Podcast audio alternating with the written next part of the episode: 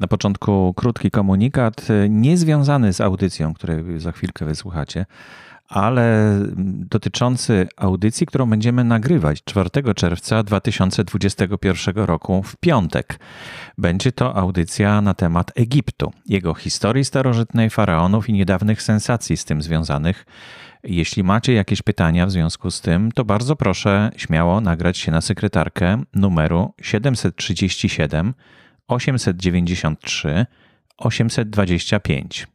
Nagranie włącza się od razu po połączeniu i te pytania, które dotrą w ten sposób, będę mógł zadać naszym ekspertom podczas tego nagrania. Przypominam, e, możliwość takiego nagrania jest do 2 czerwca 2021 roku pod numerem 737 893 825. Z góry bardzo dziękuję. Zanim zacznie się kolejna audycja z serii Nauka XXI wieku, dzisiaj pod tytułem Genetyka, tak pomyślałem, że warto przytoczyć definicję e, samego słowa genetyka, czy tego, tej dziedziny nauki, bo będzie nam to potrzebne, żeby stanąć na jednym gruncie. I jak widzicie, tematów związanych z genetyką w audycjach Nauka XXI wieku pojawia się bardzo dużo i będzie się pojawiać coraz więcej, no to warto powrócić do źródeł i zastanowić się, czym tak naprawdę jest genetyka.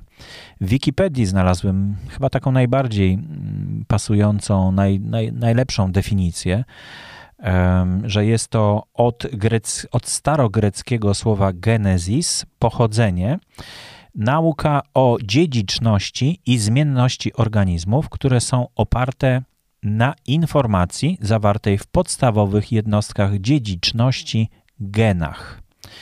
E, ja całego hasła tutaj w Wikipedii nie będę przytaczał. E, jeśli ktoś ma ochotę, to bardzo proszę. Ono jest dosyć rozbudowane, jest genetyka molekularna, oddzielny artykuł jest e, molekularna podstawa dziedziczenia, rozmnażanie, rekombinacja i sprężenie, ekspresja genetyczna. No to wszystko e, są tematy, które mm, bardzo są ciekawe oczywiście i być może w kolejnych audycjach uda się gdzieś o nie zahaczyć, a dzisiaj ten temat, no tak ogólnie, ale i trochę szczegółowo będzie omówiony podczas e, kolejnej rozmowy w podcaście Nauka XXI wieku. Zapraszam gorąco.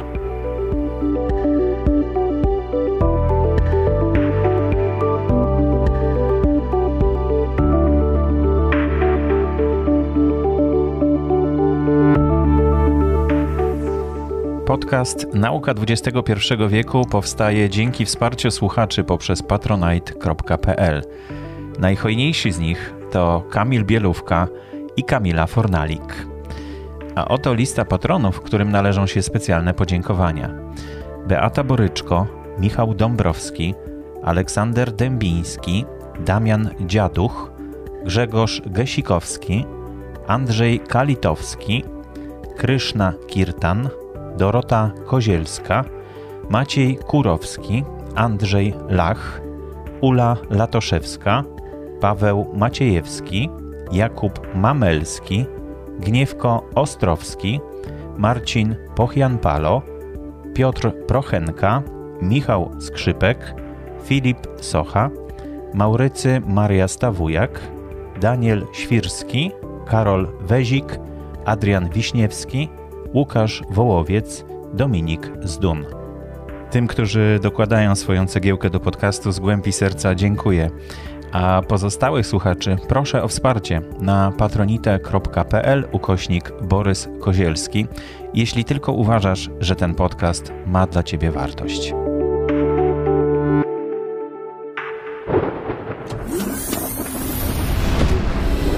All we need to do is make sure we keep talking.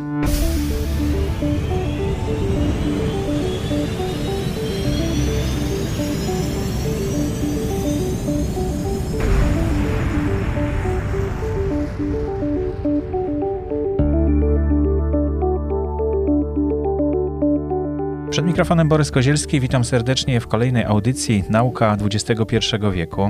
Dzisiaj do studia zaprosiłem panią doktor habilitowaną nauk medycznych Annę Wójcicką. Dzień dobry. Dzień dobry. Jest pani współzałożycielką Warsaw Genomics.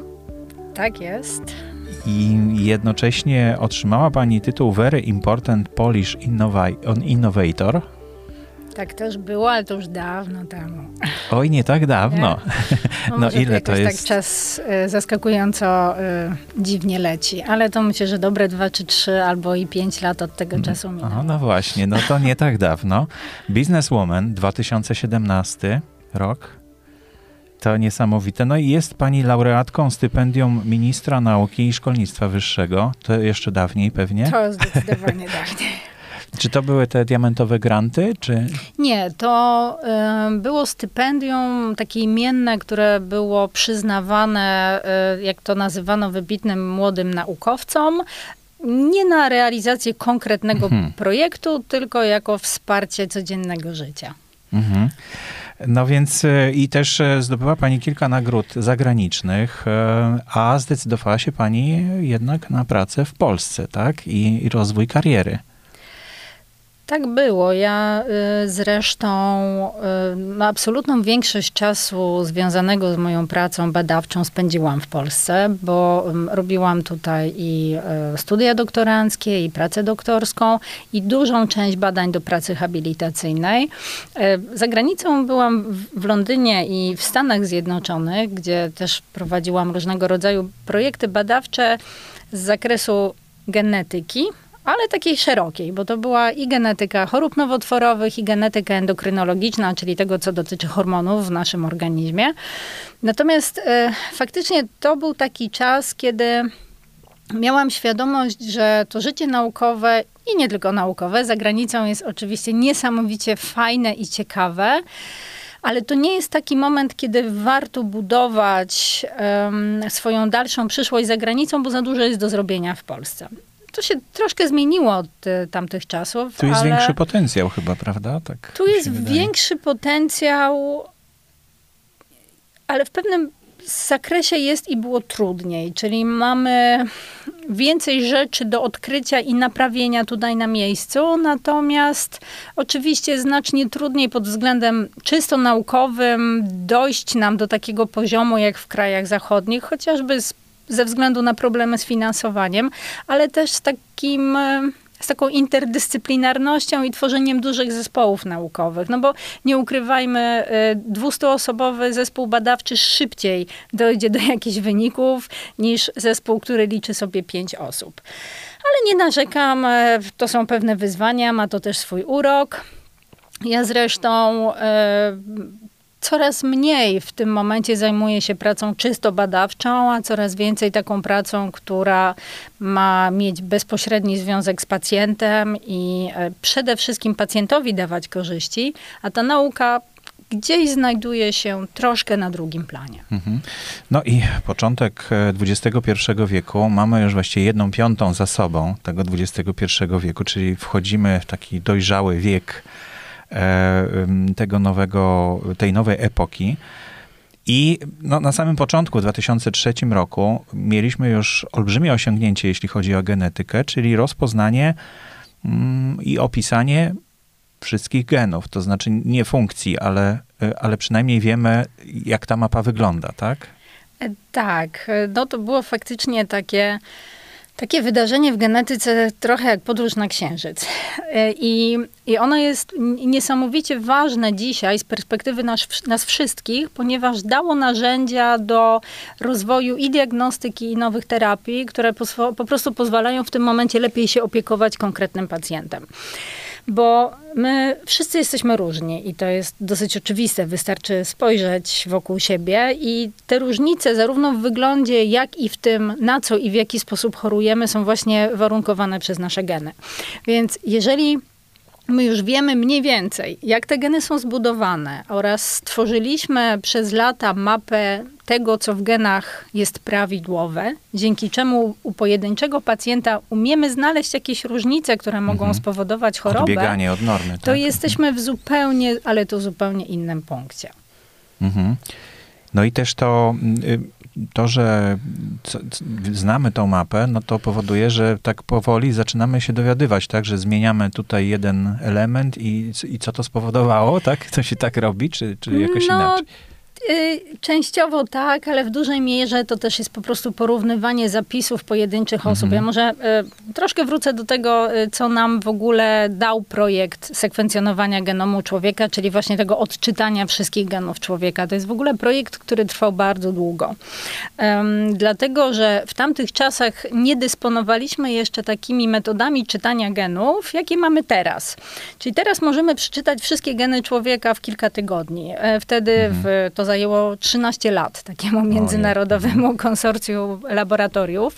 No i dlatego też dzisiaj możemy tę genetykę pod strzechy wprowadzać. Wtedy to było wydarzenie niezwykle kosztowne, niezwykle skomplikowane. Ale to się wiązało z um, siłą obliczeniową komputerów, czy y, z, z podejściem jakością? do czytania genów, Aha. bo ten y, zapis genetyczny człowieka jest niesamowicie rozległy.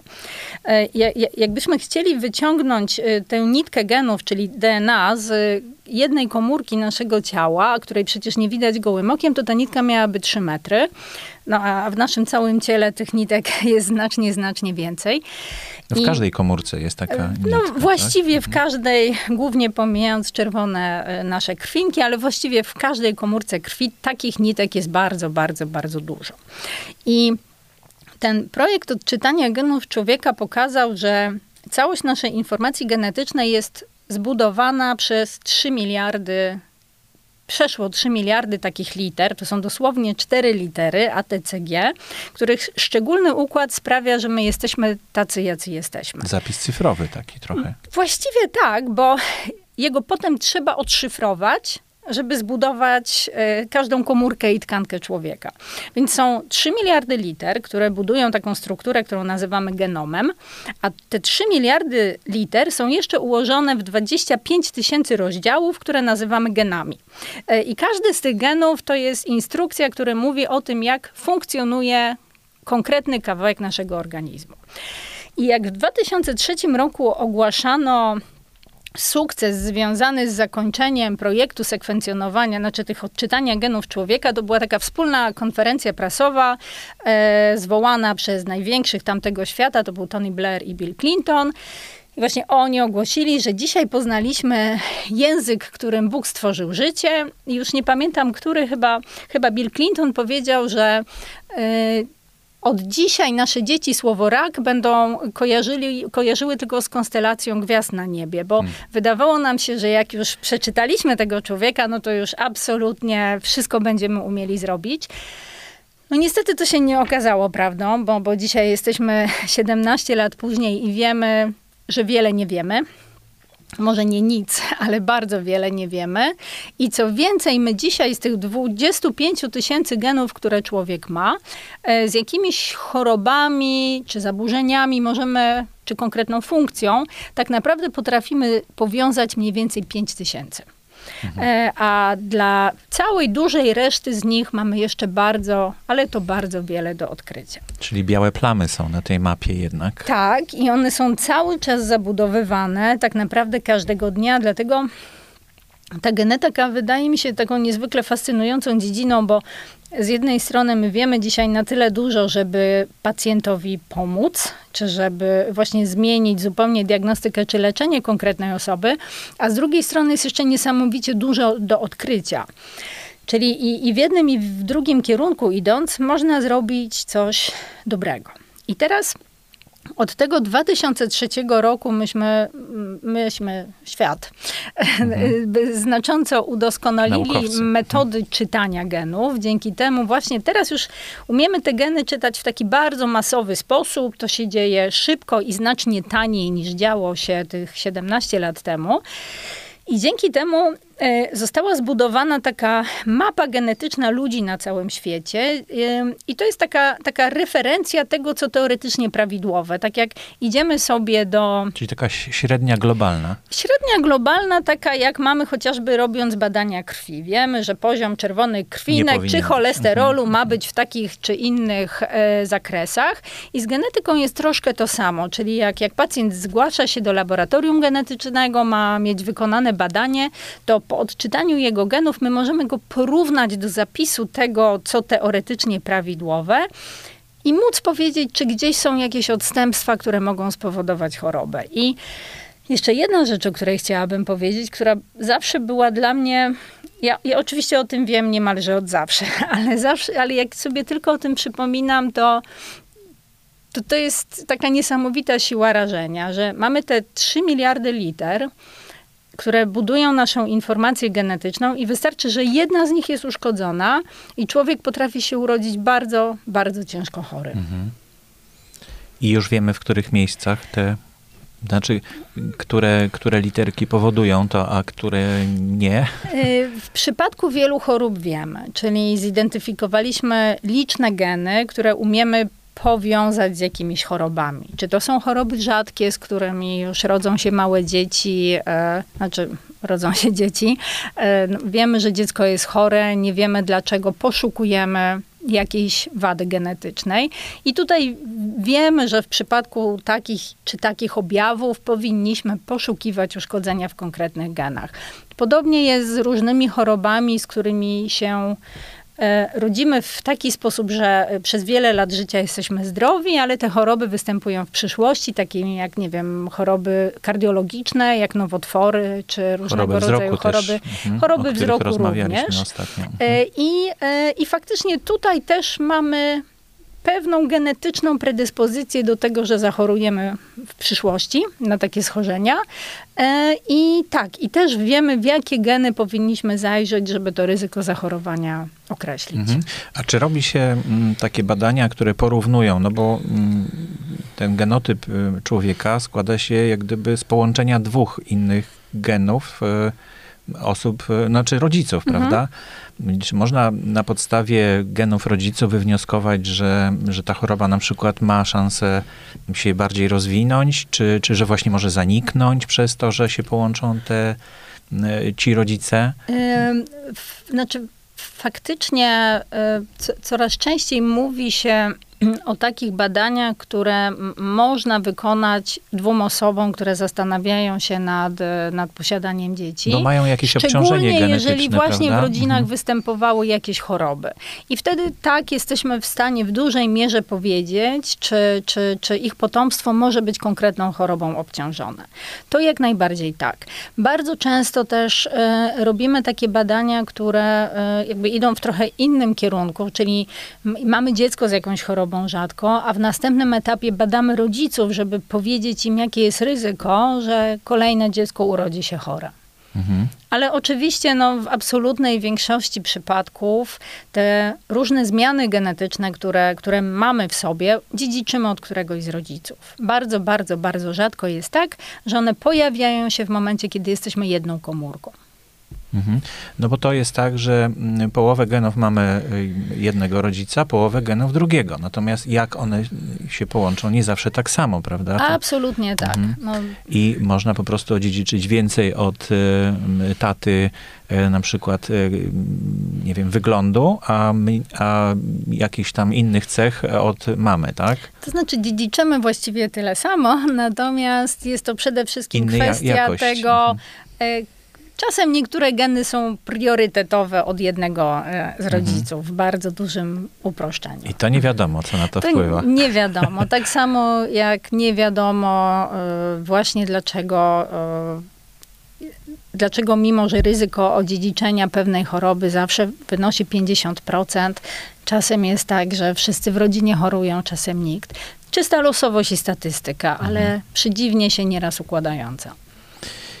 No, możemy też sobie zrobić e, takie badanie genetyczne, może nie medyczne, ale takie w historię spojrzeć swojego genotypu i zobaczyć skąd my się wzięliśmy, tak?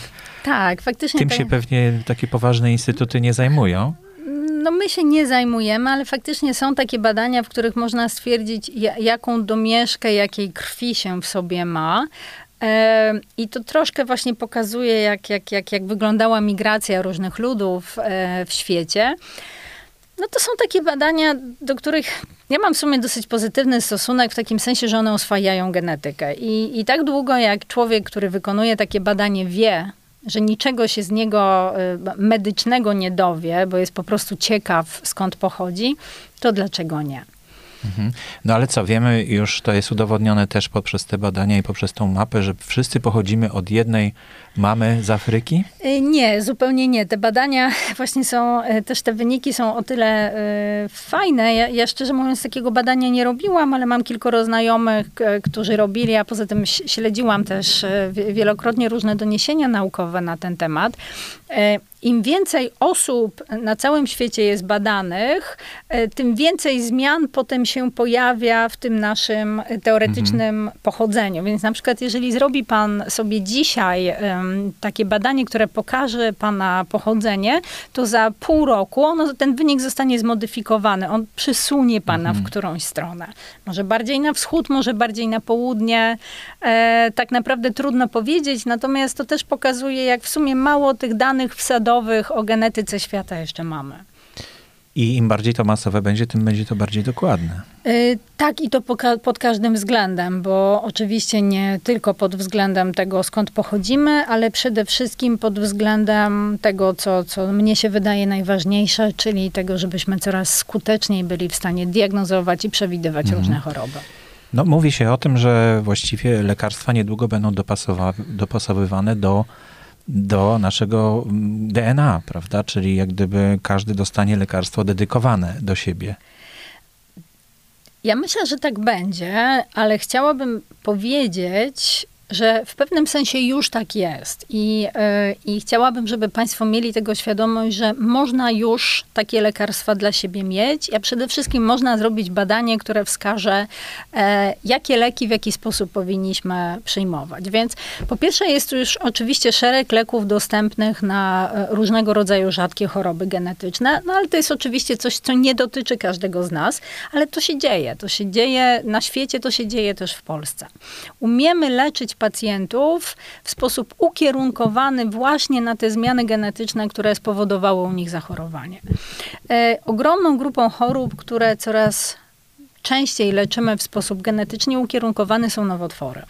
I tutaj zarówno klasyczną chemioterapię, jak i takie nowe leki, które nazywamy lekami celowanymi, dobieramy właśnie w oparciu o zmiany genetyczne, które doprowadziły do powstania nowotworu.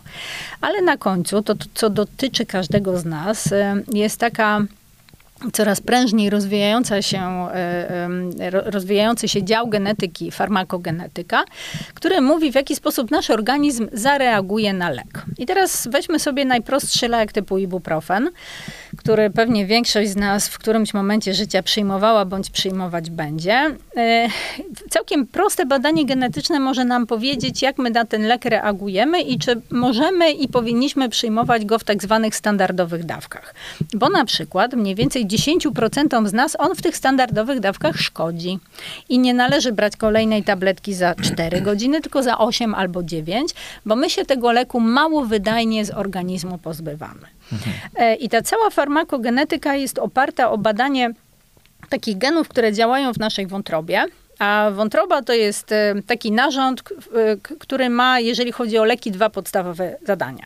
Najpierw jak jakiś lek bierzemy, to on go musi, to wątroba musi go zmienić w coś, co działa lepiej. A potem, jak on już zadziała, to wątroba się go musi pozbyć, żeby nam nie szkodził. No i w zależności od tego, jaką mamy strukturę genetyczną, na przykład niektórych leków nie aktywujemy, a niektórych się nie pozbywamy. E, I oczywiście wszystko, co przyjmujemy, przyjmujemy w takich dawkach, jakie są albo przepisane przez lekarzy, albo znajdują się w ulotce. No ale to są dawki takie stworzone dla przeciętnego pacjenta, a na końcu mhm. żaden z nas tym średnim no, czy przeciętnym nie pacjentem jest. nie mhm. jest. No dobrze, ale to y, rzeczywiście można sobie zbadać jak gdyby moją odporność na ibuprofen i podatność na, na, ten, na, na, to, na to lekarstwo, czy szkodliwość? Podatność nie, ale akurat szkodliwość tak. Czyli, czyli jest badanie, które może panu powiedzieć, e, jeżeli na przykład dosyć często pan ten lek z jakiegoś powodu przyjmuje, e, to warto wiedzieć, e, czy przypadkiem nie należy go przyjmować rzadziej, bo to jakby to zbyt częste przyjmowanie wiąże się z różnego rodzaju nieprzyjemnymi powikłaniami z przewodu pokarmowego. Ale tu jest też szereg leków, które są stosowane w chorobach przewlekłych, takich jak choroby serca, czy różnego rodzaju choroby neurologiczne i psychiatryczne. Tutaj przede wszystkim myślę o lekach stosowanych chociażby w depresji. E, I jakby odpowiednie i właściwe dobranie tych leków bez podejmowania nie wiadomo mhm. ilu nieskutecznych prób, no wydaje się po prostu klinicznie niesamowicie ważne. No tak, bo można dopasowywać lekarstwa tak, jak ja mam na nadciśnienie lekarstwa, to dopasowywane były na zasadzie to działa, tam to nie działa, prawda? I to trzeba było tak trzy tygodnie przyjmować A, a, a czasem i, i, i, trzy miesiące mhm. czy pół roku, prawda? Sprawdza się, tak. dopóki się nie dobierze tej e, konkretnej dawki. Oczywiście, Czyli teraz można przeskoczyć ten etap? Znaczy, to, to oczywiście nie jest zero-jedynkowe. To nie jest tak, że to badanie genetyczne powie, że to będzie dawka nie 300, a 150 mg albo 125. Natomiast no, gdzieś z góry góry może powiedzieć, czy tego leku powinno być więcej czy mniej, a, czasem wykluczy, który tak? lek. Mhm, mhm. Dokładnie no tak, więc czasem niektóre z nich po prostu wykluczy. No zamiast ibupromu można brać przecież um, APAP, prawda? No można brać paracetamol, aspirynę, no różne mamy możliwości. No ale właśnie, czy to, że na mnie nie, nie działa tak dobrze, znaczy nie, nie, tak dobrze mi pomaga APAP, a dobrze pomaga ibuprom, to czy to świadczy o tym, że właśnie tutaj coś takiego to jest? To najprawdopodobniej tak, ale akurat w dzisiejszej diagnostyce jeszcze nie znamy genów, które tutaj będą odpowiadały za większą skuteczność. Przy, nie, przy dużej części leków mamy, a akurat przy tych przeciwzapalnych jeszcze nie wiemy, który powinien być bardziej skuteczny. No ale tutaj znowu gwiazdka, im, im, im więcej pacjentów będzie decydowało się na wzięcie udziału w takim badaniu, e, tym też większa szansa, że tych informacji niebawem nabędziemy wiemy i będziemy w stanie tak naprawdę każdej osobie dokładnie powiedzieć, e, jak powinna się leczyć, żeby było najlepiej. Mhm. No te dane domyślam się, że porównują komputery bardziej niż tego się nie, nie da chyba inaczej zrobić. Tak, oczywiście, na końcu tak. Natomiast no, przede wszystkim mamy e, badania kliniczne, obserwacyjne, w których wiemy, że mamy pacjentów z konkretnymi objawami leczonych takimi, a nie innymi dawkami. No i gdzieś oczywiście na końcu jest to e, statystyka. Mhm. Czyli, ale to, to jedno badanie na jeden lek możemy zrobić, czy to od razu dostajemy takie spektrum, na przykład, że od tego typu leki możemy przyjmować, a takich raczej unikać? Jak najbardziej można zrobić spektrum. I, i oczywiście to nie jest tak, że, że e, możemy zbadać reakcję na wszystkie leki. Im, Im dłużej ten lek stosowany, tym bardziej prawdopodobne, że już znamy tę genetycznie uwarunkowaną odpowiedź na, na, na, na leczenie nim.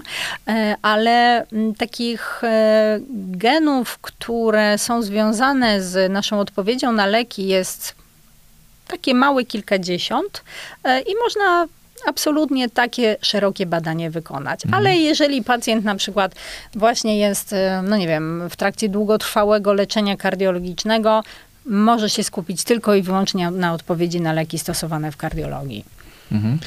I z takim zapotrzebowaniem to trzeba się zgłosić do lekarza pierwszego kontaktu, czy to trzeba zapłacić za to? No tu niestety trzeba zapłacić, mhm. E, ale mm, to też jest tak, że tego typu badania są dopiero rozwijane na świecie, więc y, tak naprawdę wszędzie na świecie są w tym momencie płatne.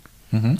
One chyba tanieją, tak jak się domyślam. Na jeśli... szczęście tak, mhm. bo y, i udoskonalamy te y, metodologie czytania genów i nie, no to, że parki maszynowe są tańsze, to bym skłamała. Natomiast no są im, im dłużej, może tak powiem, mm, dana firma czy człowiek zajmuje się pewnym tematem, tym śmielej e, podejmuje pewne rozwiązania, które prowadzą do optymalizacji. Mhm. Czyli co, można się zgłosić do Warsaw Genomics i poprosić o takie badanie? Można, jest normalnie dostępne u nas na stronie. Zawsze oczywiście warto umówić się na konsultację e, lekarską, żeby się dowiedzieć, czy na pewno to badanie przyniesie odpowiedź na te nurtujące Mhm. nas problemy. No bo może się niestety raz na jakiś czas okazać, że zależy nam akurat na jednym konkretnym leku, którego to badanie nie obejmie, bo na przykład jest zbyt nowy Mhm, i jeszcze nie, nie, niewiele o nim wiemy. Natomiast tak, jak najbardziej takie badanie po prostu można sobie samemu zlecić. Mhm. Ja żałuję, że ono nie jest jeszcze dostępne w ramach refundacji. Ja myślę, że to nawet dla mm, w ogóle systemu ochrony zdrowia byłyby niesamowite oszczędności. Właściwie dobrane leczenie chorób przewlekłych. No ale poczekajmy. Genetyka, e, z genetyką się coraz bardziej oswajamy. Ona na pewno coraz bardziej wchodzi i pod dachy szpitalne, i pod klasyczne strzechy, więc mam nadzieję, że to jest kwestia paru lat. A jakiego rzędu to jest y, wielkość tej ceny? Bo to To w zależności od badania jest od kilkuset do y, powiedzmy dwóch tysięcy złotych. Mhm. No, czyli rzeczywiście to nie, już nie jest tak jak kiedyś, że to było po powyżej kilkudziesięciu tysięcy Nie, złotych. badań powyżej kilkudziesięciu tysięcy złotych właściwie prawie nie ma, chyba że są to najszersze e, z badań, jakie można wykonać. Czyli większość e, takich ukierunkowanych badań genetycznych zamyka się w kilku tysiącach złotych. Mhm. To jeszcze musimy taki znacznik czasowy dać, bo ta audycja jest słuchana nawet po kilkudziesięciu latach, po kilkunastu latach.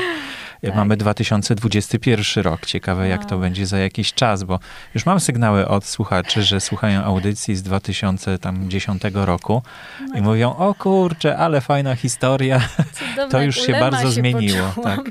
To się bardzo zmieniło i to się na pewno bardzo zmieni, bo to się dynamicznie w tej chwili zmienia, prawda? E, Tak. Ale ja bym- chciałbym wrócić jeszcze do samego początku, do genezy, jak gdyby genetyki, czy w ogóle takich badań w tym kierunku. No bo nasi pradziadkowie zauważyli, no, że jeśli łączy się odpowiednie zwierzęta w, i, i reprodukuje je, no to, to pewne cechy się powielają i powtarzają, a inne zanikają, prawda? Czy te złe, których nie chcemy, żeby były, no to jeśli, e, jeśli e, przez taką ho- hodowlę selektywną będziemy w stanie poprawić e, jakość e, zwierząt, czy ich przydatności dla człowieka.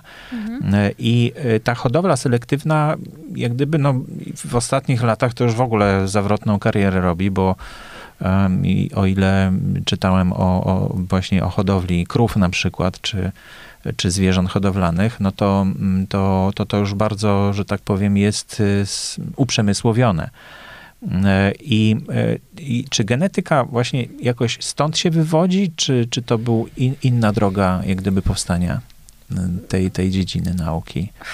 No bo szukano jak gdyby, dlaczego tak się dzieje, prawda? E, Bo to był- Oczywiście, natomiast no, te poszukiwania były e, no, gdzieś dawno temu dosyć mało ukierunkowane, bo jeszcze w, mniej więcej w XVII wieku e, królowała teoria zapatrzenia, która mówiła o tym, że dziecko wygląda tak, jak to, na co spoglądają jego rodzice i dlatego kobiety ciężarne dostawały takie tabliczki porodowe z pięknymi cherubinkami, żeby takie dzieci piękne rodzić. I e, też, też była taka teoria, że jeżeli dziecko się rodziło podobne do ojca, to to świadczyło o najwyższej miłości e, e, kobiety ciężarnej do swojego małżonka, no bo o nikim innym, tylko o nim myślała w, w czasie ciąży.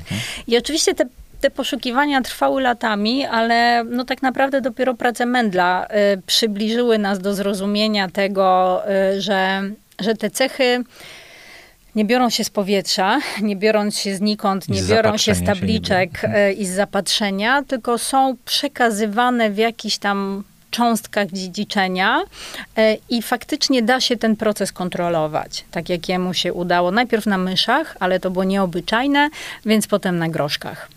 Mhm. I, e, I oczywiście to są w tym momencie e, jak najbardziej nadal takie założenia, które wykorzystuje się w hodowli zwierząt. I oczywiście dla, dla wielu hodowców przez lata były kluczowe i ważne, natomiast no, do roku no, tego 1863 to jeszcze nie wiedziano w ogóle skąd się te cechy biorą i jak są dziedziczone. No a potem tak naprawdę całość e, tego, y, w czym się kryją geny, też rozszyfrowaliśmy dopiero w połowie XX wieku. Mhm. No dobrze, to wracając w takim razie do, mm, do mm, naszego wieku, e, chciałem się zapytać o mm, taki program, który umożliwia to coś w rodzaju badań przesiewowych chyba, prawda? Czyli test, testowanie się na jak gdyby podatność na chorobę, na, na raka, na, na nowotwory. Mhm. Czy takie badania są robione chyba, tak, przez was w tej chwili? Tak, takie badania oczywiście y, chciałabym tylko powiedzieć, są robione nie, nie, tylko przez nas. Oczywiście, jeżeli pacjent chciałby poznać swoje. Przepraszam, zawsze jestem ostrzegana, że mam nie mówić pacjent o osobie zdrowej, natomiast to już jest tak głęboko wdrukowane. No więc jeżeli człowiek chce poznać e, swoje ryzyko zachorowania na nowotwór, bo to no są, bo może mieć jakieś Bo właśnie... może być z osobą mhm. zupełnie zdrową, tylko taką, w której rodzinie na przykład na nowotwory chorowano, albo nie zna swojej rodziny mhm. i chce wiedzieć, czy nie jest obciążony, to jak najbardziej takie badanie można zrobić. Natomiast y, ja chciałabym powiedzieć, z czym to badanie się wiąże, bo to może nie dla wszystkich jest jasne. Przede wszystkim musimy mieć świadomość, że nowotwory niestety grożą właściwie każdemu z nas i, y, i na nowotwór, tak jak pokazują statystyki, zachoruje co trzeci człowiek na jakiś nowotwór. Pożyjemy dłużej, i mamy czas na to, żeby ta choroba nowotworowa zdążyła się u nas rozwinąć. E, co dziesiąta kobieta zachoruje na raka piersi, co dziesiąty mężczyzna na raka prostaty, natomiast to będą takie choroby, które będą się rozwijały po 60-70 roku e, życia. Czyli żyjemy na tyle długo, żeby te wszystkie uszkadzające czynniki z zewnątrz miały szansę uszkodzić którąś naszą komórkę i żeby ona zmieniła się w komórkę nowotworową. Natomiast badania genetyczne tutaj są po to, żeby wyłuskać osoby szczególnie obciążone. Podatne, Czyli tak? takie, u których to ryzyko zachorowania na przykład na raka piersi to nie jest 10%, tylko 70%. I to są osoby, które wymagają bardzo szczególnej opieki, bo wymagają innych badań diagnostycznych, potem innego leczenia, jeżeli już choroba się rozwinie, ale przede wszystkim to są osoby, które chorują wcześniej. Czyli to są takie pacjentki, którym nie robimy mammografii w wieku 50 lat, tylko od 25 roku życia co roku już robimy badanie piersi rezonansem magnetycznym. No i to samo dotyczy pacjentów, którzy są obciążeni innymi nowotworami.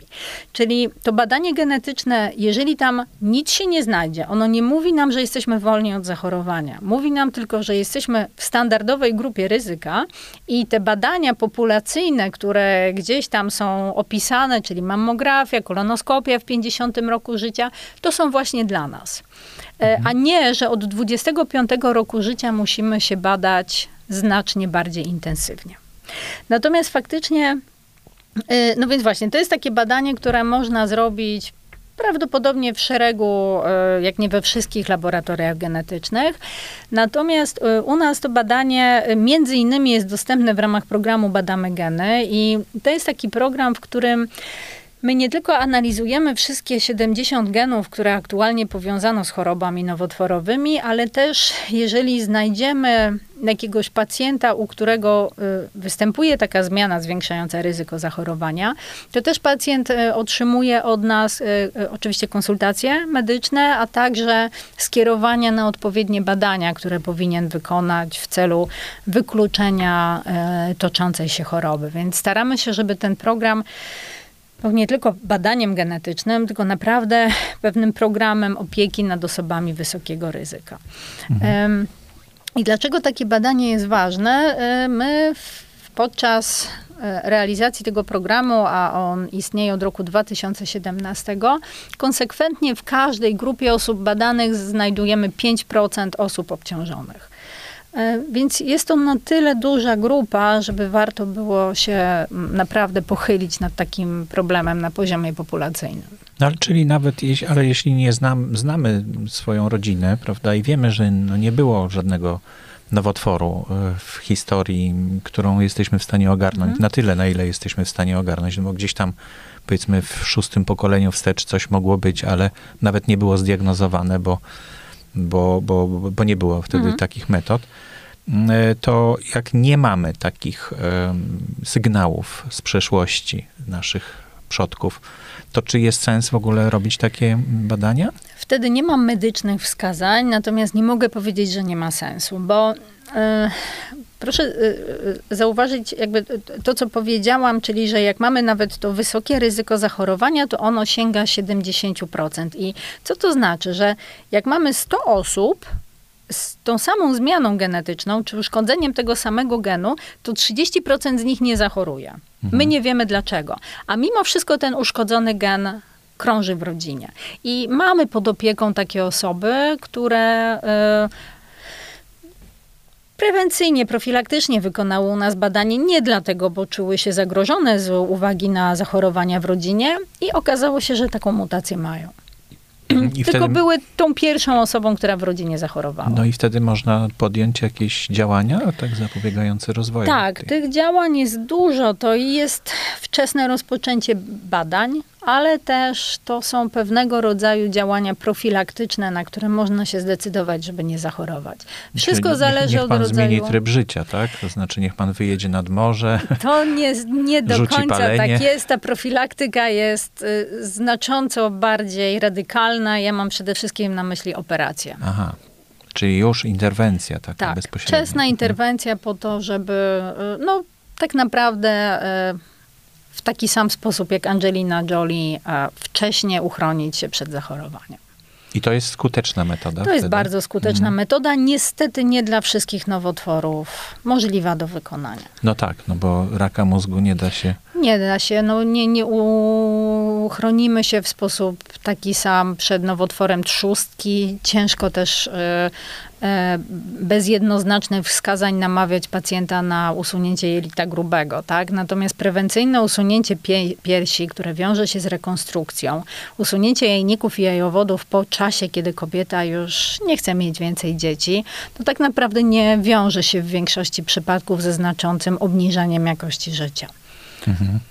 No to można rzeczywiście takie, takie działania zrobić. Znaczy najważniejsze jest to, żeby wiedzieć, że można. Mhm. Dokładnie tak, bo to jest na końcu zawsze decyzja pacjenta, którą lekarz musi pomóc podjąć. Natomiast jest to decyzja i jeżeli oczywiście ktoś nie chce się decydować na, na, na operacje prewencyjne, może się regularnie badać. To, to nie zapewnia takiego bezpieczeństwa, ale zawsze jest to decyzja człowieka. Natomiast no, to badanie genetyczne po prostu pozwala na podjęcie takiej poinformowanej decyzji, co chce się ze swoim życiem zrobić. Mhm. A teraz chciałbym jeszcze zapytać panią o szczepionkę, która e, właśnie e, no, zaczyna być stosowana e, w, i, w, i w Polsce, i na świecie w ogóle. Bardzo szybko została przetestowana, stworzona. No i ten wyścig chyba będziemy musieli przyspieszać za każdym razem, no bo, bo jednak chor- choroby, te wirusy no, są też sprytne i coraz szybciej działają, atakują. Trochę też na swoją niekorzyść, no bo jak pacjent umiera, no to taki wirus też umiera razem z nim. Więc on mutuje też w kierunku tego, żeby dłużej e, być e, przy życiu i te nowe mutacje tego wirusa, o których teraz słyszymy, to chyba właśnie tak w tą stronę, tak, działają. No, y, głównie tak, dlatego że y, no, wydaje się, że te mutacje przede wszystkim zwiększają liczbę osób zarażonych, czyli faktycznie pozwalają wirusowi znacznie szybciej się rozprzestrzeniać e, w społeczeństwie, że nie, nie, nie, nie, nie, nie powodują zwiększonego ryzyka zgonu, natomiast właśnie ten współczynnik zarażania jest znacznie wyższy.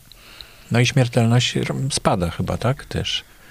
No i jak tutaj genetyka może pomóc? Bo ta szczepionka, która mm, została wprowadzona no, po raz pierwszy do takiego masowego użycia, chyba w ogóle pierwszy raz na ludziach została zastosowana poza badaniami klinicznymi, no i budzi kontrowersje, ale też podobno jej skuteczność jest znacznie wyższa. Czy to właśnie wiąże się z tym, że to tego typu szczepionka oparta na genetyce, na tych badaniach genetycznych?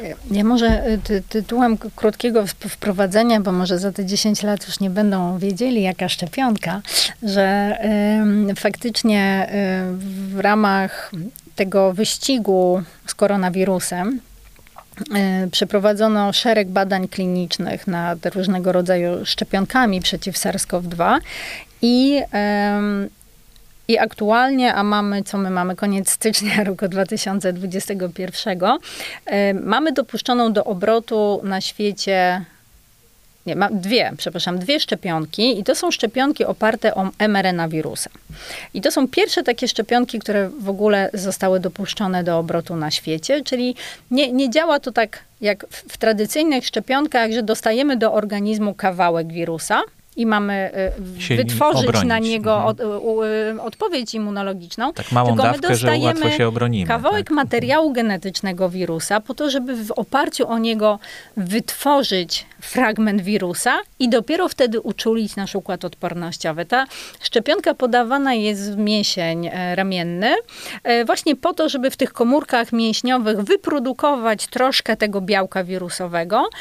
To jest takie białko, e, znaczy to jest ta, ta, ta instrukcja, ona zapisuje taki fragment wirusa, którym on się łączy z naszą komórką, infekując ją. E, I właśnie na ten fragment ma zostać wytworzona nasza odpowiedź immunologiczna. I tutaj faktycznie kontrowersji było i jest wiele, ale dwie podstawowe wiążą się po pierwsze z tempem wyprodukowania tych szczepionek, bo, bo to Co trwało nagle rok. to po diable, tak? E, No tak się mówi, natomiast e, ja chciałabym zwrócić uwagę, że akurat w przypadku e, szczepionki firmy Pfizer-BioNTech, która jest stosowana w Polsce już od miesiąca, to w badaniu klinicznym, w którym badano jej bezpieczeństwo i skuteczność, wzięło udział prawie 50 tysięcy osób. I to badanie nadal trwa. Nie jeden lek przeciwnowotworowy został dopuszczony do obrotu w oparciu na, o znacznie mniejsze badanie. E, A całość skrócenia tego procesu wynika po pierwsze z tego, że wirus SARS nie jest niczym nowym, czyli gdzieś już e, parę Badania lat były. temu Mhm. badania były prowadzone, a poza tym skrócono formalności. Czyli nie trzeba było w tych badań, klini- badaniach klinicznych przechodzić z fazy do fazy i czekać, aż e, odpowiednie władze sprawdzą wszystkie papiery, tylko te fazy były w pewien sposób połączone. I dlatego też dopuszczenie tej szczepionki do obrotu było możliwe. Przede wszystkim dlatego, że ona ma niezwykle wysoki e, profil bezpieczeństwa. Tam właściwie nie było efektów ubocznych. Poza, jeśli się nie mylę, akurat w, w przypadku szczepionki Pfizera to było porażenie nerwu twarzowego, które się po prostu może zdarzyć i bez szczepienia. E, I, e, no i niezwykle wysoki profil skuteczności, który mówi, że po drugiej dawce tej szczepionki e, mamy 95% zabezpieczenie i odporność. Mhm. No i to, ale to, ta, ta wysoka jak gdyby jakość wiąże się właśnie z tą metodą, tak? To znaczy, bo, bo nie dostajemy y, wirusa, na którego musimy y, jak gdyby reagować odpornością, tylko dostajemy informację o tym, żeby wytworzyć coś podobnego do tej choroby, tak? I wtedy dopiero zaczynamy Tutaj trudno tak naprawdę powiedzieć, bo y, czekamy na ostateczne wyniki badania klinicznego y, firmy AstraZeneca, która y, wprowadza tę bardziej tradycyjną szczepionkę i wygląda na to, że y, przy zmodyfikowaniu dawki oni też osiągną tę skuteczność na poziomie 95%. Może akurat ten koronawirus ma to do siebie, że tak skutecznie wytwarzamy odporność. Mhm. I jeszcze chciałem spytać o profil genetyczny Polaków, bo rozmawialiśmy o tym, że tworzymy taki globalną średnią, tak, e, e, jak to powinno wyglądać, no ale globalnie to wiadomo, że nie może, może nie pasować tak do, do naszej tutaj lokalnej e, średniej genetycznej. I, a w wielu krajach chyba taka, taki profil jest już zrobiony, tak? W Polsce jeszcze nie. No nie, tak, to jest bardzo słuszne pytanie, bo mm, szereg informacji, y, na przykład właśnie ta reakcja na leki y, jest bardzo charakterystycznych dla konkretnych populacji. I na pewno bardzo byłoby cenne, gdybyśmy mieli ten profil genetyczny Polaków jakoś zbudowani, zbudowany, no ale tak się nie dzieje. Czy, czy Wielka Brytania, Estonia, y, Izrael, nie wspominając już o Islandii, gdzie c- cała populacja została No e, tak, sczytana genetycznie lata jest, temu. tak. Dokładnie, no więc to, to, to jest zupełnie oczywiste, że tam to było znacznie prostsze do zrobienia, ale wszystkie te kraje miały takie narodowe programy czytania genów. U nas e, no był jeden taki projekt, który miał um, takie czytanie genów Polaków przeprowadzić, ale on nie został zrealizowany.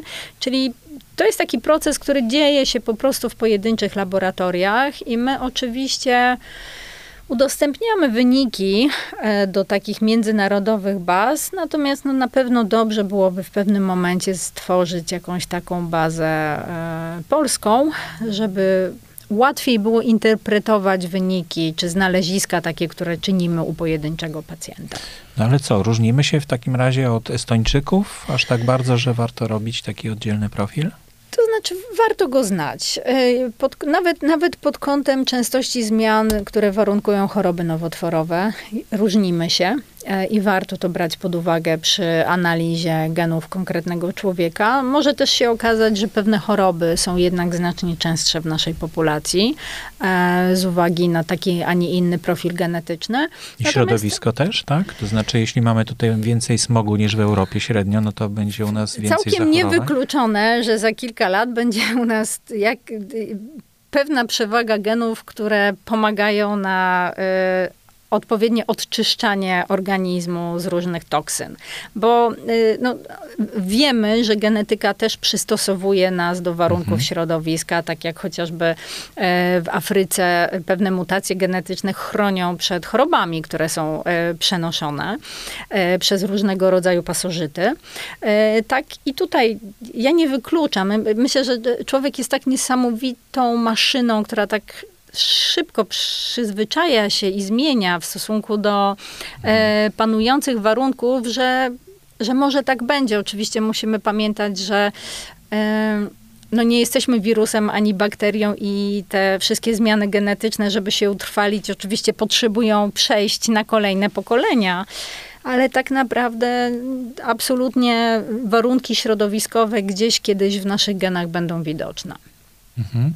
No, musimy też y, przyspieszyć ten proces, tak? Bo jeśli warunki klimatyczne się szybciej zmieniają niż my jesteśmy w stanie się do nich dostosować, no to stanie się groźne dla gatunku chyba w ogóle. Mm, no bo tak. jeśli temperatura wzrośnie czy zmaleje o kilka stopni, no to powoduje bardzo duże zmiany klimatyczne, a my możemy się do tego przystosować po kilku pokoleniach prawdopodobnie. No skokowo się nie przystosujemy. No nie, nie, nie w jednym pokoleniu nie no jesteśmy chyba, w stanie że... zmienić genów na dzisiaj a w właśnie, całym a szczepionka? organizmie. szczepionka tutaj nie pomoże. Szczepionka tutaj nie pomoże. I to w tym kierunku nie idą żadne badania, żeby modyfikować um, odporność człowieka na przykład, czy na specjalne warunki, czy żeby obniżyć jego temperaturę na przykład ciała, czy, czy no, spowodować, żeby on łatwiej mógł funkcjonować. E, ja niestety muszę powiedzieć, że nie wiem. E, nie wiem, czy aktualnie e, są prowadzone badania w tym kierunku. E, oczywiście są prowadzone badania, które mają na celu zmienianie genów człowieka. Natomiast no, w dużej mierze są y, ukierunkowane na pewne konkretne choroby, które wymagają leczenia. To nie jest proste na dziś zmienić geny dorosłego człowieka. Proszę pamiętać, że one są zamknięte w każdej komórce. Więc jesteśmy w stanie E, w miarę, znaczy w miarę wyobrazić sobie, w jaki sposób naprawić pewne zlokalizowane uszkodzenie genetyczne, ale na przykład takich genów, które warunkują mm, no, profil termiczny naszego organizmu, na pewno jest kilka. To nie jest mhm. jeden. I teraz pytanie, co zmienić, żeby nie zepsuć Czegoś wszystkiego innego. innego. Mhm bardzo złożony proces. Dlatego też no, było, było bardzo dużo obaw po tym odszyfrowaniu zapisu genetycznego człowieka, że trochę wchodzimy w, ro, w erę eugeniki, czyli będzie się właśnie dobierać tylko takie osoby, które są piękne, wysokie, zdrowe, nie takie proste. Nie jest to takie proste. No dobrze, ale no taką największą chorobą, na, które, na którą choruje każdy człowiek, to jest śmierć, prawda? Bo w końcu się umiera. E, I podobno ta długość życia jest zapisana w genach? Czy to już wiadomo, że nie jest, czy wiadomo, że e, jest? Wiadomo, że jest i e, oczywiście jeszcze dużo o procesie starzenia się organizmu nie wiemy, natomiast tutaj na pewno jest ogrom badań, które w tym kierunku są prowadzone na świecie. Natomiast wiemy, że długość życia uwarunkowana jest między innymi tym, jak wiele razy mogą się podzielić nasze komórki e, znaczy komórki naszego organizmu. E, a ta liczba podziałów jest uwarunkowana genetycznie. Otóż na koń, obu końcach materiału genetycznego w każdej komórce są takie cząstki, one się nazywają telomery i one przy każdym podziale komórki ulegają skróceniu.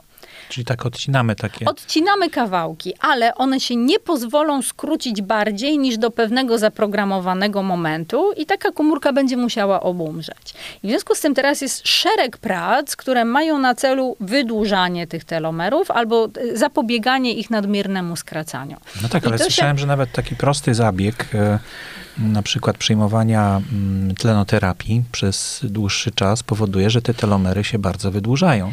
Znaczy, to jest w ogóle kwestia e, nie- nie- niedoprowadzania albo minimalizowania pewnego rodzaju uszkodzeń, które gromadzą się w komórkach, bo im komórka zdrowsza, e, tym dłuższy jest jej okres przeżycia. Ale ja tutaj też chciałabym zwrócić uwagę na pewne zagrożenie, które się z tym wiąże, bo my znamy jedną niemalże idealną komórkę, która potrafi żyć wiecznie.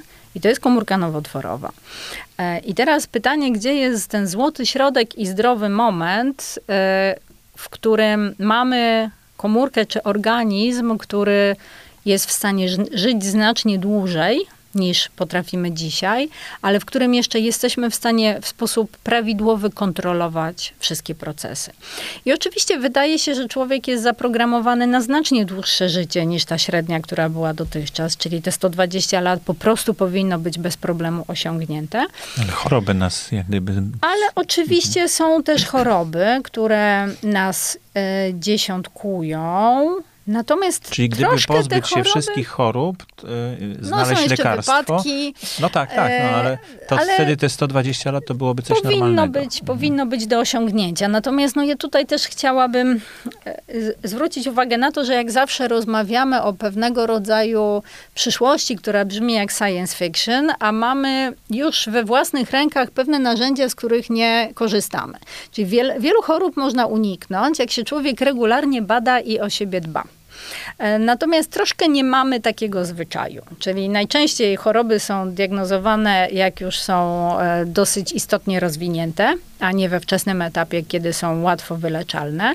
No i też nie, nie bardzo lubimy pamiętać o tym, że to jak się odżywiamy, czy uprawiamy jakiś sport, e, też wpływa na długość i jakość naszego życia. Więc pamiętajmy, że szereg takich bardzo magicznych działań my możemy wykonać już dziś. No tak, ale to się wiąże też z tym, że przecież są różne poglądy na ten temat. Y, Diet y, są od lewej do prawej właściwie. No, jedna jest taka, że mamy przyjmować tłuszcz i mięso dru- i mówi się, że to zdrowa dieta jest, a druga odwrotnie, że absolutnie żadnego, żadnego zwierzęcego tłuszczu. Tak. No i gdzie tutaj znaleźć y, prawidłowe jakieś rozwiązanie dla siebie? Z z dietami faktycznie zgadzam się, że tutaj każdy rok przynosi nowe odkrycie trudno się nie pogubić. Y, Wygląda na to, że y, najważniejsze jest to, żeby jednak dieta była zbilansowana i, y, i żeby nie było tego jedzenia za dużo. To znaczy nie ma wątpliwości, że nadwaga i otyłość to są takie sytuacje, które chcemy uniknąć. Natomiast myślę, że zgodzimy się co do tego, że co do aktywności fizycznej to nie ma większych wątpliwości. Umiarkowanej. Ja nie mówię tutaj o sportach ekstremalnych, ja nie mówię nawet o, o intensywnym sporcie, ja mówię o tym, żeby pójść te 3-4 razy dziennie na półgodzinny szybki, y, Boże, w tygodniu, nie dziennie, pójść na ten szybszy e, półgodzinny spacer i to jest już w stanie bardzo wiele zmienić dla naszego zdrowia. Czyli taka mm, gdyby aktywność fizyczna, która jest przewidziana dla takiego organizmu jak człowiek, tak? Po prostu, żeby tego Tak. używać, żeby te Znaczy, my- zawiasy my, my nie, mamy nie, nie mięśnie skrzypiały. Te tak? mięśnie potrzebują pracować. Jak one pracują, to szybciej płynie krew, e, komórki są dotleniane, to- toksyny są e, usuwane, spada stres.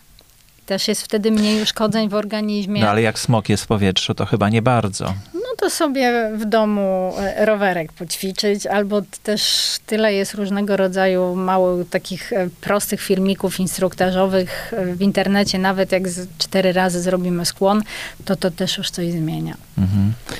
Jeszcze chciałem z panią spytać o, o mutacje.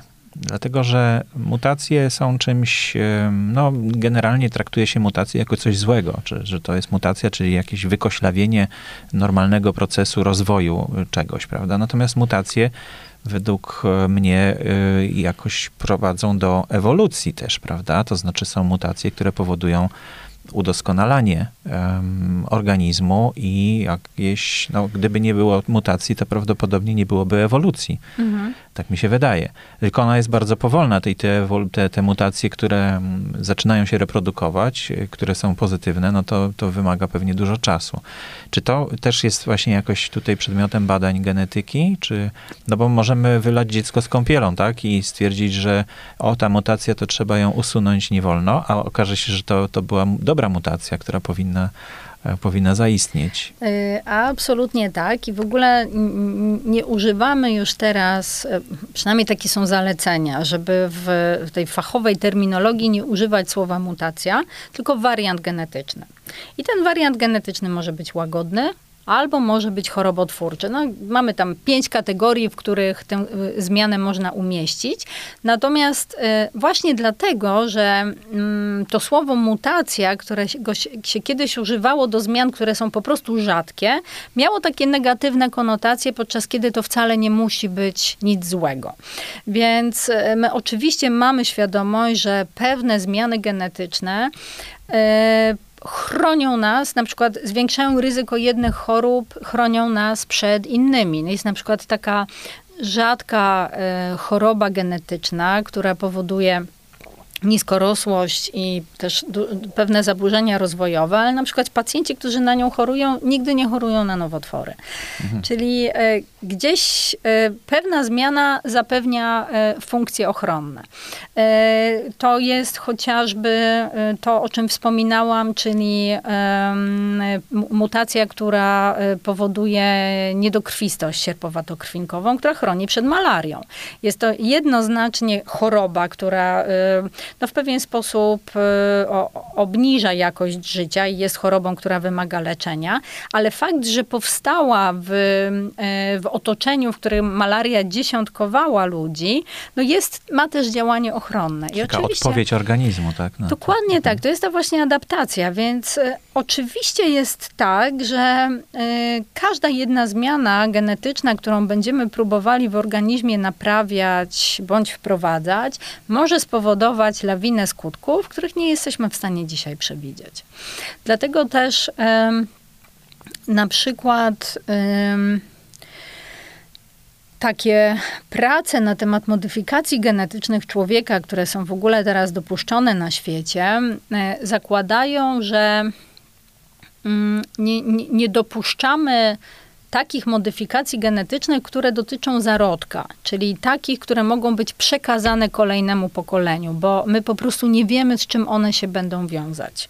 Więc e, oczywiście są terapie różne genowe, czy na choroby rzadkie, czy, e, czy na nowotwory, ale to są takie, takie terapie, które są podawane już ukształtowanemu organizmowi, czyli nie znajdą się w jego komórkach rozrodczych. Mhm. Czyli nie będą przekazywane nie dalej. Nie będą przekazane mhm. dalej, bo, bo, bo nie wiemy, dopóki nie, nie, nie, nie, nie docieczemy tak naprawdę, z czym to się wiąże, nie powinno się takich prac podejmować, no ale, ale wiemy, że są na świecie podejmowane. Tu chociażby przykład e, takich bliźniaczek, które urodziły się w Chinach, to już było pewnie ze dwa lata temu. Tak, 2019 rok i które były e, no, jakby skutkiem eksperymentu genetycznego na komórce jednej zarodkowej. No właśnie, to klonowanie nie za bardzo się udaje, chociaż wydawałoby się z takiego matematycznego, że tak powiem, punktu widzenia, wydawałoby się, że no to klonowanie to powinna być prosta sprawa. Natomiast coś idzie, idzie nie tak. Co to jest? Czemu, czemu to tak nie wynika po prostu? Y, to znaczy, te, jakby jeszcze chciałabym tylko y, po, powiedzieć, że akurat te, te dziewczynki y, nie zostały sklonowane. To była modyfikacja genetyczna komórki zarodkowej. Zmieniono jeden gen, który warunkuje możliwość zakażenia wirusem HIV. Natomiast no, nie, nie, nie było to sklonowanie człowieka. E, dlaczego klonowanie nie działa? Tak naprawdę nie wiadomo. Jest szereg organizmów, w których działa. Udawało się to dość skutecznie z królikami, e, psami. Natomiast no, jeżeli chodzi o człowieka, to też nie są to prace, które e, oficjalnie i formalnie mogą być gdziekolwiek bądź podejmowane. Mhm. Czyli nie dowiemy się na razie, dlaczego no, na razie to się nie, nie działa. dowiemy. Też trzeba pamiętać, że y, oczywiście y, różnego rodzaju filmy, do których być może jesteśmy y, przyzwyczajeni, proces klonowania pokazują Tak. jako taką no nie wiem, no takie ludziki jeden z drugiego wyskakuje i to już jest klon, ale ten klon musi zostać donoszony w czasie ciąży i zostać urodzony. E, mhm. Niezależnie od tego, y, jakiego organizmu dotyczy. No tak, te przyspieszenia rozwoju, że tam w ciągu dwóch miesięcy dzieje się tak, Tak, to, to, co w ciągu dziewięciu. To, to, się, to, to się nie dzieje. No tak, no ale to, to jest bardziej fiction niż science, prawda? Także to... No tak, dokładnie. Natomiast y, jest taka jeszcze jedna rzecz związana z genetyką, tak mi się wydaje, y, która wiąże się z odrastaniem części ciała. Dlatego, że y, no jaszczurka wiemy, że jak zgubi ogonek, no to jej ten ogonek odrasta. Y, Wiadomo, że jeśli, y, że, że paznokcie nam od, cały czas rosną. Y, No ale jak już stracimy rękę, to ta ręka nie odrasta. I dlaczego? To chyba też jakoś genetycznie uwarunkowane jest, czy nie? Tak, ja, y, ja nie chcę się w ten temat zagłębiać, bo się na nim zupełnie nie znam. Natomiast jeżeli chodzi w ogóle o proces odnawiania się komórek, to troszkę to dotyczy y, tych podziałów komórek, o których już wspominałam. Czyli są w naszym organizmie komórki, które y, po prostu dzielą się bezustannie przez całe nasze życie. I to są między innymi komórki e, właśnie nabłonkowe, w oparciu o które powstaje nasz naskórek, paznokcie, włosy. E, Natomiast no, e, kwestia odrośnięcia ręki, no to już jest etap organogenezy, kiedy gdzieś jesteśmy w życiu płodowym, czyli pojedyncze komórki oczywiście gdzieś odrastają, natomiast no, nie jesteśmy w stanie wytworzyć całego organu. To, nad czym teraz są prowadzone oczywiście prace, to jest tworzenie narządów do transplantacji w warunkach laboratoryjnych. Natomiast, przepraszam bardzo, znajduje się to niestety zupełnie poza moimi kompetencjami. Mhm. Czyli na podstawie naszych komórek pewnie macierzystych jakieś, tak? Tak. To jest tworzone. Tak, jest to kwestia przeprogramowania komórki w taki sposób, po pierwsze, żeby nadać jej e, los konkretnej komórki, którą sobie wybierzemy, czyli żeby ta e, komórka macierzysta nagle stała się komórką wątroby. I jeszcze na dodatek, na końcu, żeby zbudowała narząd o takim kształcie, jaki jest potrzebny. I potem A- tylko wymienić i już. Znaczy, to jest absolutnie nieprawdopodobny kierunek, ale, ale ja się na nim nie znam. No ale w stosunku do zębów na przykład, to słyszałem, że są takie już badania od dłuższego czasu prowadzone. Jakoś nie słyszę o jakichś sukcesach. To znaczy, żeby, żeby zarodek zęba zamiast, e, zamiast implantu, żeby po prostu wsadzić sobie zarodek zęba i ten ząb odrośnie, prawda? E, To są, to są też ciekawe takie rzeczy. W stosunku do wzroku tak samo też przecież e, są, są różne tutaj pomysły na to, jak, e, jak odnowić e, te tkanki. No, ale to już e, odchodzimy od genetyki, to już nie... Tak, niestety ja się zgadzam, to jest niesamowicie ciekawy temat, natomiast no właśnie, może faktycznie warty y, większego zgłębienia. Mhm. A proszę mi powiedzieć w takim razie, co jest w tej chwili największym takim wyzwaniem dla genetyki? Oprócz tego, tego badania, tego profilowania i tego zbierania danych, e, bo to myślę, że to jest bardzo istotne, tak jak pani mówiła, żeby jak najwięcej osób e, się przebadało, to wtedy będziemy jak najwięcej wiedzieć, prawda? Mhm. Znaczy tych wyzwań, ja myślę, jest kil, jest sporo. Em, na pewno na poziomie badawczym e, to jest kwestia znalezienia odpowiedzi na pytania, jakie jeszcze choroby kryją się w naszych genach i jakie geny umiemy z nimi powiązać. E, I na tej podstawie opracowania takich terapii, które właśnie będą nam pozwalały najlepiej pomóc pojedynczej osobie, bo e, tak jak wspomniałam, tych terapii mamy coraz więcej, ale to jeszcze nadal nie jest to, e, czego byśmy oczekiwali. No, drugie wyzwanie, takie szersze, no to jest ogólnie wyzwanie takie mm, natury etycznej, a mianowicie gdzie właśnie są granice tych, tych działań, które w genetyce możemy prowadzić i I faktycznie te, e, te przepisy, które dotyczą różnego rodzaju modyfikacji genetycznych na świecie są dosyć restrykcyjne i pytanie, czy w każdym zakresie jest to słuszne, jeżeli wiemy, Bo że w zamykają niektórych... drogę rozwoju też. Jeden, Mhm. a dwa niestety otwierają furtki do tego, e, żeby tego typu prace działy się poza kontrolą. E, I to też jest na pewno kwestia przewartościowania i bardzo, bardzo konkretnego przedyskutowania e, w światowym gremium, no bo przecież to jest taki kierunek, przed którym na pewno nie uciekniemy. Natomiast ważne jest to, żeby był w pełni kontrolowany. No i trzecia rzecz, może taka już bardziej otwarta, to jeżeli myślimy o genetyce w kontekście medycznym, to przede wszystkim e, ogromne zadanie dla wszystkich osób związanych z tym tematem, mm, takie działanie edukacyjne. Bo co z tego, że my w laboratoriach genetycznych wiemy, jak, jaki ogrom chorób można z genów wyczytać, jeżeli nie wiedzą o tym pacjenci i nie wie o tym duża część lekarzy. Y, To jest, to, to jest o, o, ogromnie ważne zadanie, które mamy wszyscy do wykonania, żebyśmy tak naprawdę mogli zmieniać tę medycynę w Polsce i na świecie. No bo tak naprawdę trudno oczekiwać, żeby ktoś się zgłosił na takie badanie, jeżeli nie będzie widział jego sensowności. Więc e, jeżeli ta edukacja w tym zakresie nie będzie działać, no i oczywiście nie mam tu na myśli edukacji szkolnej, tylko raczej właśnie no, jakieś szerzenie wiedzy przez nas, osoby ze środowiska, to to się nie zacznie dziać, no a to, to jest ze szkodą dla pacjenta. No ale myśli pani, że za jakiś czas będą badania przesiewowe robione już na, jak dziecko się urodzi, to od razu mu się zrobi po, po prostu badania, będzie miało swój profil.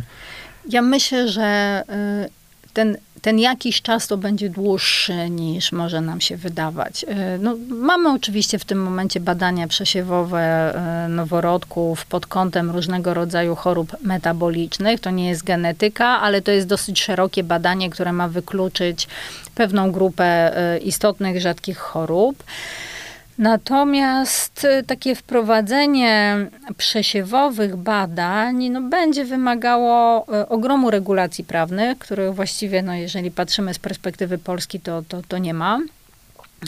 Y, Będzie wymagało przejścia mm, całego zastanawiania się nad świadomą zgodą pacjenta na wykonanie takiego badania, no bo trudno tutaj mówić o takowej.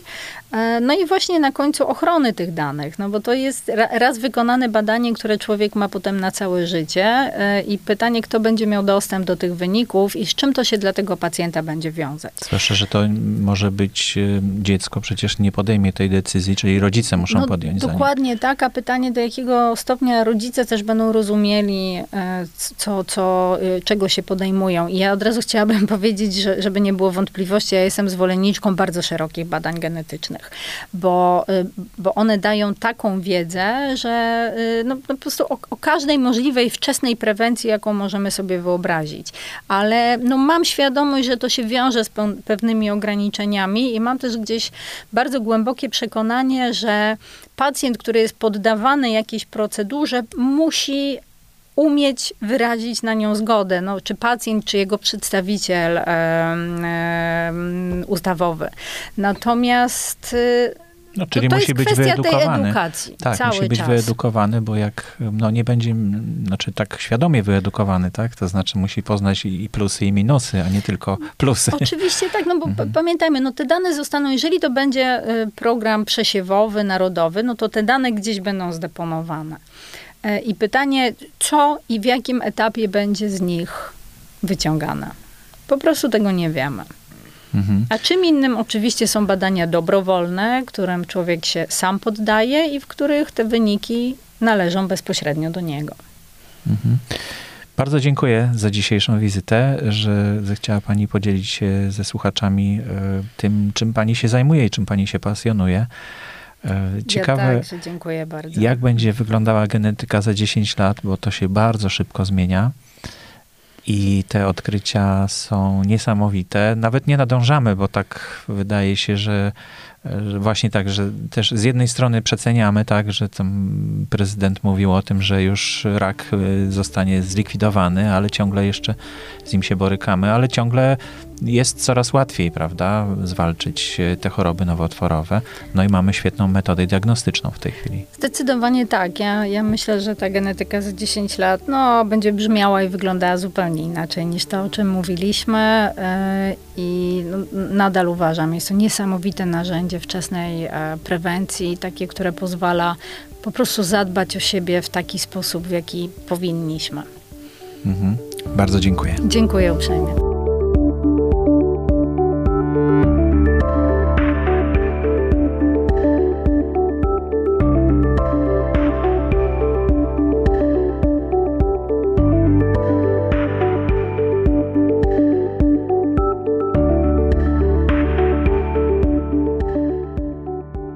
To był 114 odcinek podcastu serii Nauka XXI wieku pod tytułem Genetyka.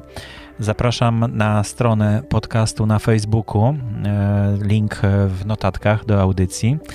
E, no i kilka informacji dodatkowych, e, takich, że na przykład mój podcast istnieje od 2010 roku. RSS i linki do subskrybowania znajdują się na stronie pod.link ukośnik nauka oraz w notatkach e, podcastu i też w opisie e, kanału podcastu. Podcast powstaje dzięki wsparciu patronów. To, to dzięki nim, e, którzy dokładają swoją cegiełkę do podcastu, to im z głębi serca dziękuję, a pozostałych słuchaczy proszę o wsparcie na patronite.pl pl ukośnik Borys Kozielski. Jeśli tylko uważasz, że ten podcast ma dla Ciebie jakąś wartość. Wszystkie odcinki podcastu, a także te przeznaczone wyłącznie dla patronów, dostępne są w Patronite Audio. To jest taka specjalna aplikacja Patronite, e, którą można sobie zainstalować na telefonie. No ale można też oczywiście wejść e, przez e, po zalogowaniu się do Patronite i tam odnaleźć Patronite Audio i w nim audycje Nauka XXI wieku. No i audycje dla patronów też tam są oddzielnie oczywiście. Zapraszam do słuchania innych moich podcastów, których lista znajduje się na stronie podcasty.info ukośnik Borys Kozielski. I jeszcze chciałbym się z Wami podzielić e, dwoma listami, które dostałem od e, patronów, którzy niedawno dołączyli do grona e, patronów. Pierwszy z nich to Maurycy. Maurycy pisze w ten sposób. Trafiłem na naukę XXI wieku przeszukując Spotify. Nigdy wcześniej nie byłem słuchaczem podcastów, ale nietypowa sytuacja życiowa sprawiła, że teraz codziennie podczas pracy mogę sobie na to pozwolić. Otóż od niedawna byłem aktywnym pianistą. Uczyłem i grałem. Nastała pandemia. Anulowała ona wszystkie moje działania oraz plany. Ponadto przenieśliśmy się właśnie do Amsterdamu, gdzie moja żona dostała się na bardzo dobre studia. Wszystko to sprawiło, że chwilowo pianistą jestem tylko w sercu, za to po raz pierwszy w życiu pracuję fizycznie. Będąc kurierem, przemierzam codziennie ciasne kanały Amsterdamu.